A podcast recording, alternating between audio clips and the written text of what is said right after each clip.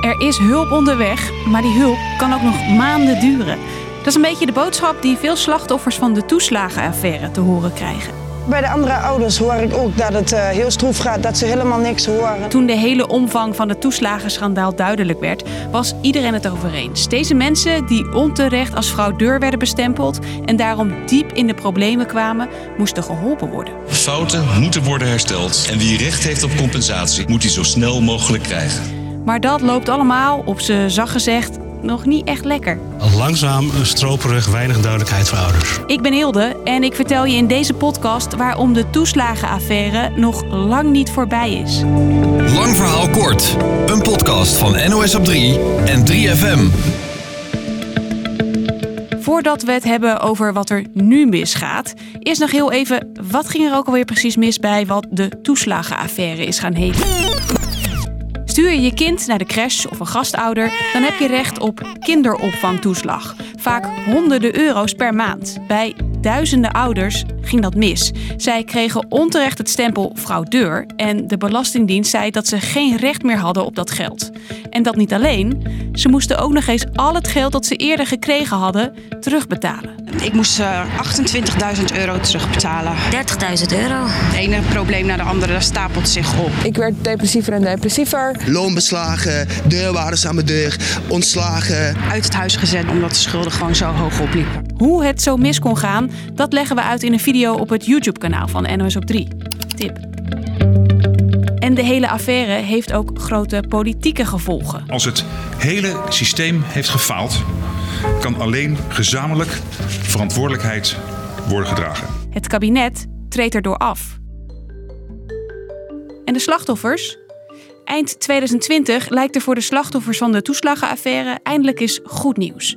Er komt een nieuwe regeling, de katshuisregeling. Daarin kiest de regering om iedere ouder in de komende vier maanden 30.000 euro te geven als compensatie voor het leed. Zo zegt de staatssecretaris, die speciaal is aangesteld om de puinhoop bij de Belastingdienst op te ruimen.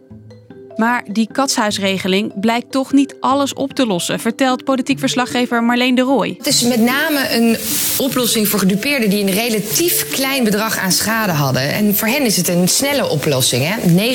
19.000 ouders hebben dat bedrag, die 30.000 euro, inmiddels gekregen. Maar vergeet niet, hun zaak is daarmee niet afgehandeld. En dat niet alleen. Het aantal mensen dat een aanvraag doet voor die regeling is een stuk hoger dan verwacht. In december had de staatssecretaris het nog over zo'n 8000 gevallen. Dat werden er meer. De teller staat nu op bijna 47.000.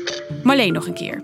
Dat aantallen loopt op en de afdeling die al die schade moet afhandelen en die dossiers moet gaan sluiten uiteindelijk, die is alleen maar met die katshuisregeling bezig. En ja, die kan al dat werk gewoon, gewoon niet aan. En echt schijnende gevallen, ja, die staan daardoor achteraan een hele, hele lange rij. Die schijnende gevallen, dat zijn de mensen die meer dan 30.000 euro schade hebben. Zij kunnen naar een commissie stappen die de werkelijke schade berekent. Maar die commissie kan het aantal zaken al lang niet meer aan. Met als gevolg nog langer wachten op hulp. Er zijn dus nog heel veel mensen die moeten wachten op hun geld. De nationale ombudsman, die voor je opkomt als de overheid de fout ingaat, doet onderzoek naar hoe het gaat met de afhandeling van de toeslagenaffaire en trekt aan de bel. Er zijn nog veel te veel mensen eh, in Nederland die zeggen: we hebben last gekregen van die toeslagenaffaire, daar zijn we het slachtoffer van geworden en we worden nog niet goed geholpen. Voor bijna 6000 mensen is de termijn waarbinnen zij geholpen moesten worden in september al verstreken. En het is voor ouders vaak totaal niet duidelijk wanneer ze geholpen worden. Dat levert ook weer stress en onzekerheid op. Het idee dat je slachtoffer van iets bent, dat er wordt gezegd dat zou best zo kunnen zijn, maar we weten het nog niet zeker en dus moet je wachten. Dat wachten, dat is echt, nou ja, dat, dat is echt schadelijk voor mensen. En dat maakt mensen ook uh, moedeloos. De staatssecretaris geeft nu ook toe dat het nog te traag gaat en ze zegt dat ze gaat onderzoeken hoe alles sneller kan. Eind september zei ze nog dat het nog lang kan duren voor iedereen geholpen is. Misschien wel jaren. Dus, lang verhaal kort. Duizenden ouders zitten met enorme schulden na de toeslagenaffaire. De regering heeft gezegd dat ze allemaal gecompenseerd worden, maar dat gaat niet zoals het zou moeten, zegt ook de ombudsman. Te veel van die 47.000 mensen weten nog niet waar ze aan toe zijn. Dat was hem voor vandaag. Vond je dit nou een leuke podcast? Abonneer je dan even. Tot morgen.